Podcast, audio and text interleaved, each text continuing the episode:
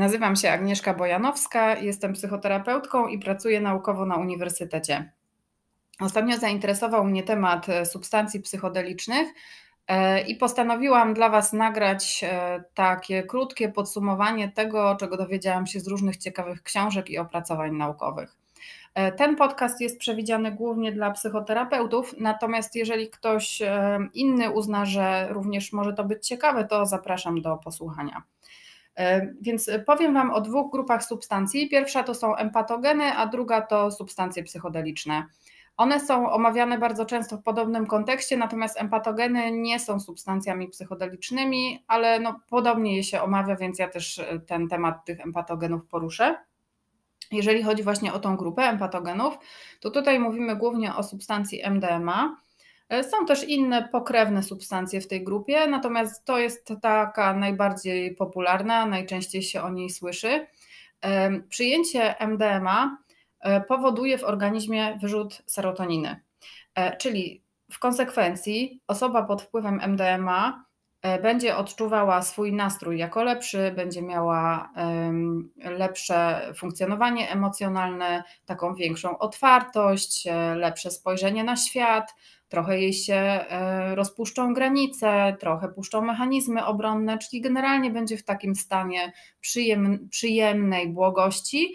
Natomiast e, tutaj nie spodziewamy się żadnego odklejenia od rzeczywistości. E, tu nie ma halucynacji, jest tylko właśnie ta zmiana na poziomie emocjonalnym.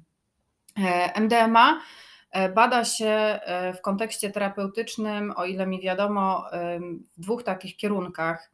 Pierwszy to jest terapia par. No i tu można łatwo sobie wy, wyobrazić, że właśnie ten stan takiego polepszonego nastroju może sprzyjać e, takiej łagodnej komunikacji pomiędzy partnerami. Natomiast oczywiście to nie jest e, panaceum, tak? To może spowodować, że ktoś się, że para dogada się, że się nie dogaduje.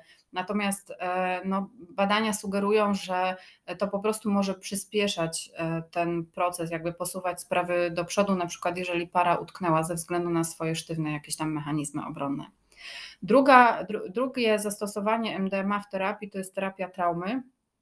I tutaj wyniki, jeżeli chodzi o PTSD, są bardzo obiecujące, no i w ogóle jakby w kontekście terapii traumy te wyniki są obiecujące.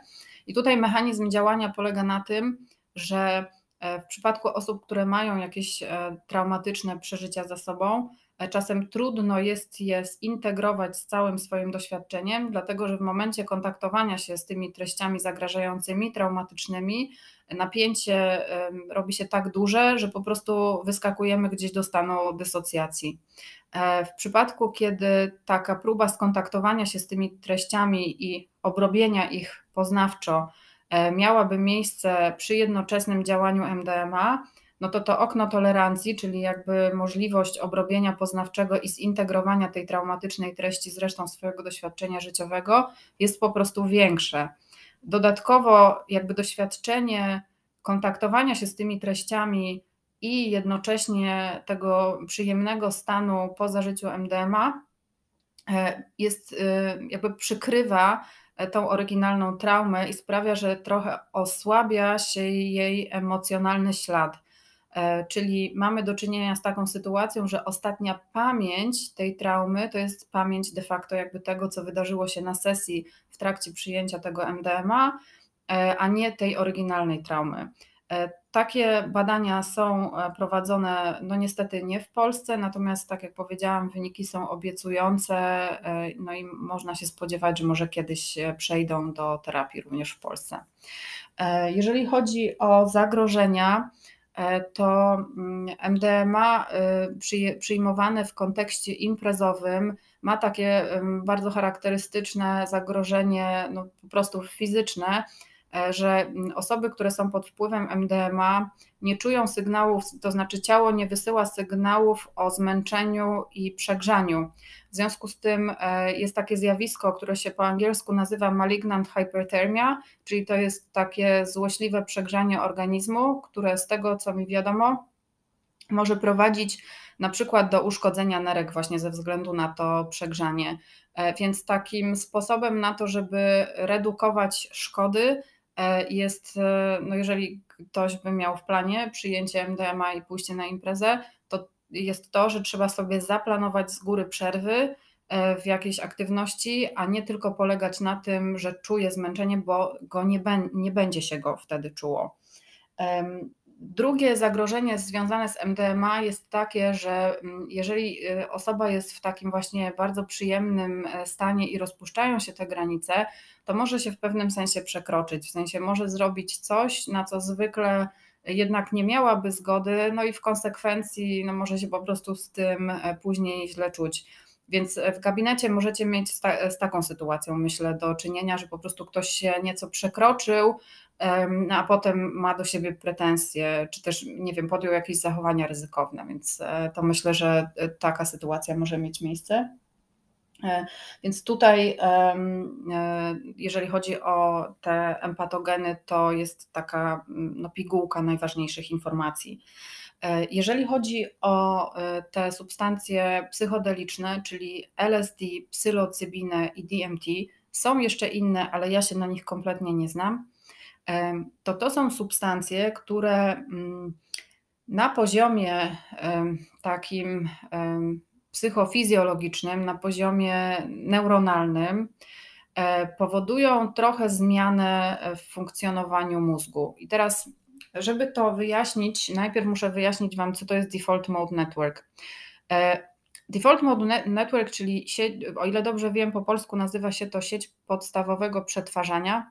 E, to można sobie wyobrazić, że to jest taka autostrada, po której biegnie sygnał w naszym mózgu i to jest taka, nie wiem, utarta ścieżka, po której e, wędruje, utarta, ścieżka w sensie neuronów, po której wędruje sygnał, zwykle jak my na przykład mówimy o sobie, myślimy o sobie, czyli to by była jakby taka ten psychofizjologiczny e, korelat, ta psychofizjologiczna reprezentacja naszego ego, naszej tożsamości, poczucia ja, tam są również mechanizmy obronne. I dlatego y, czasami w takiej tradycyjnej terapii mówionej trudno jest o zmianę, dlatego że mózg jakby porusza się cały czas tymi utartymi ścieżkami.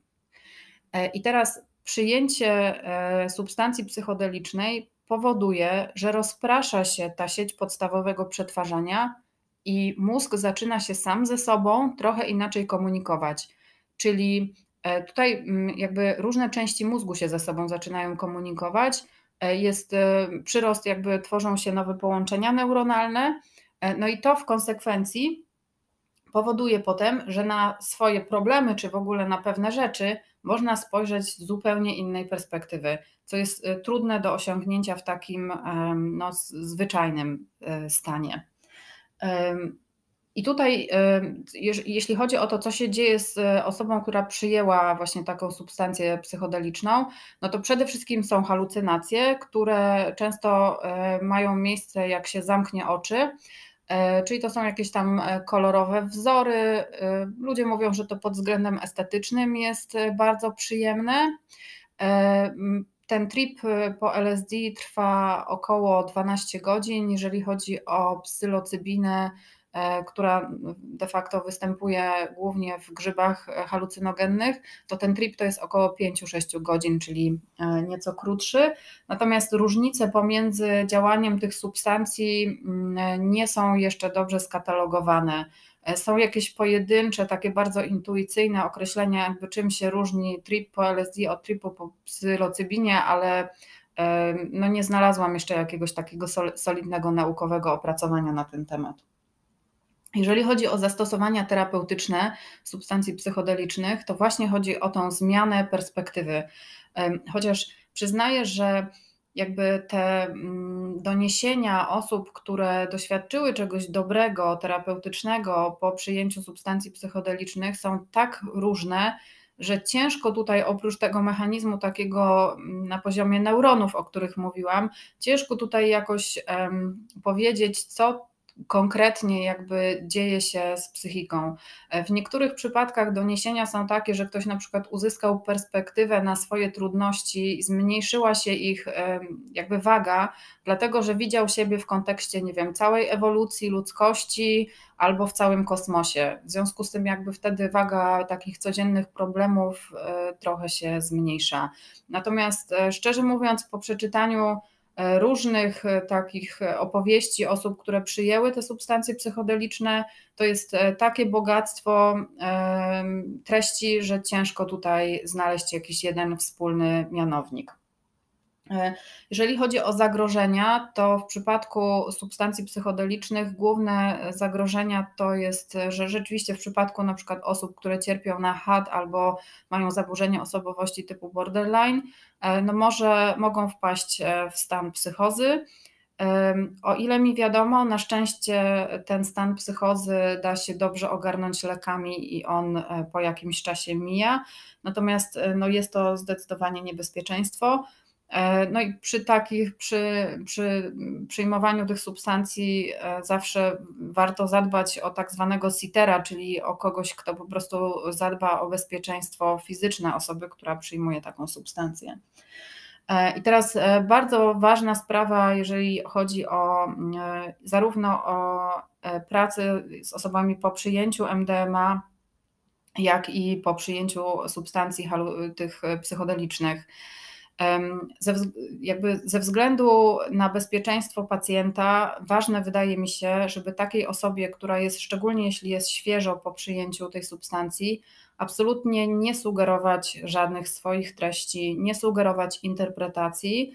E, jeżeli już chcemy takiej osobie pomóc zintegrować to doświadczenie, to idziemy krok za pacjentem zawsze dlatego że to jednak jest stan, kiedy są mechanizmy obronne mocno rozluźnione, czyli trzeba po prostu uważać, żeby tam komuś nie wsadzić czegoś jakby nie tej, co, co ta osoba by nie chciała, tak? Więc e, ta podatność na sugestie tutaj może być większa, więc z tym trzeba uważać. E, jeżeli e, byście mieli do czynienia z osobą, która na przykład ma doświadczenie trudne, czyli tak zwany bad trip za sobą, no to można jakby spróbować poprosić tą osobę, żeby spróbowała zintegrować to doświadczenie, czyli opowiedzieć, co się z nią działo i to opowiedzieć e, jakoś tak w miarę dokładnie, żeby ona miała przestrzeń na to, żeby spróbować to w jakąś spójną narrację ubrać. E, natomiast e, też zachęcam, żeby po prostu odesłać taką osobę na taką integrację psychodeliczną do kogoś, kto po prostu zna się na tym temacie.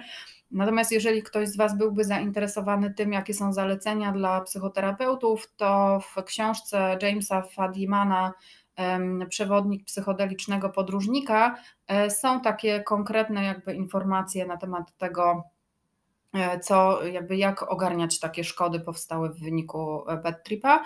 Chociaż większość osób, które tak, takie doświadczenie mają za sobą, mówi, że to było doświadczenie trudne, ale ostatecznie też bardzo ważne w ich życiu. I na koniec chciałam Wam opowiedzieć o ograniczeniach tych substancji, głównie dlatego, że często o nich wypowiadają się e, wielcy entuzjaści ich zażywania. Natomiast opierając się na wynikach badań, można powiedzieć, że potencjał terapeutyczny one mają, natomiast protokoły e, terapeutyczne E, w badaniach uwzględniają przygotowanie pacjenta do zażycia takiej substancji, czyli jest tam odpowiednie przygotowanie, jeżeli chodzi na przykład, nie wiem, o wgląd, o intencję taką prozdrowotną przed zażyciem tej substancji. Między innymi teraz czytałam takie wstępne wyniki badań na temat zastosowania DMT w lekoopornej depresji. O ile dobrze pamiętam, to w Wielkiej Brytanii takie badania są E, przygotowywane i wykonywane i dają rzeczywiście obiecujące wyniki. Natomiast no tutaj mówimy o pozytywnym wpływie tych substancji u osób, które zostały do tego profesjonalnie przygotowane.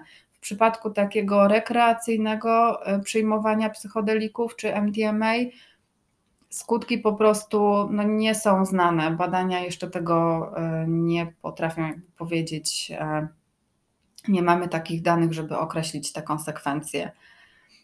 To jest tyle, e, co dla Was przygotowałam na dzisiaj. Mam nadzieję, że to krótkie podsumowanie jakoś e, przynajmniej Wam e, rozjaśni trochę temat. Jeżeli podoba się Wam to, co ja do Was gadam, to zapraszam do słuchania podcastu Uwaga na głowę, gdzie wspólnie z różnymi gośćmi rozmawiamy o różnych okołoterapeutycznych tematach.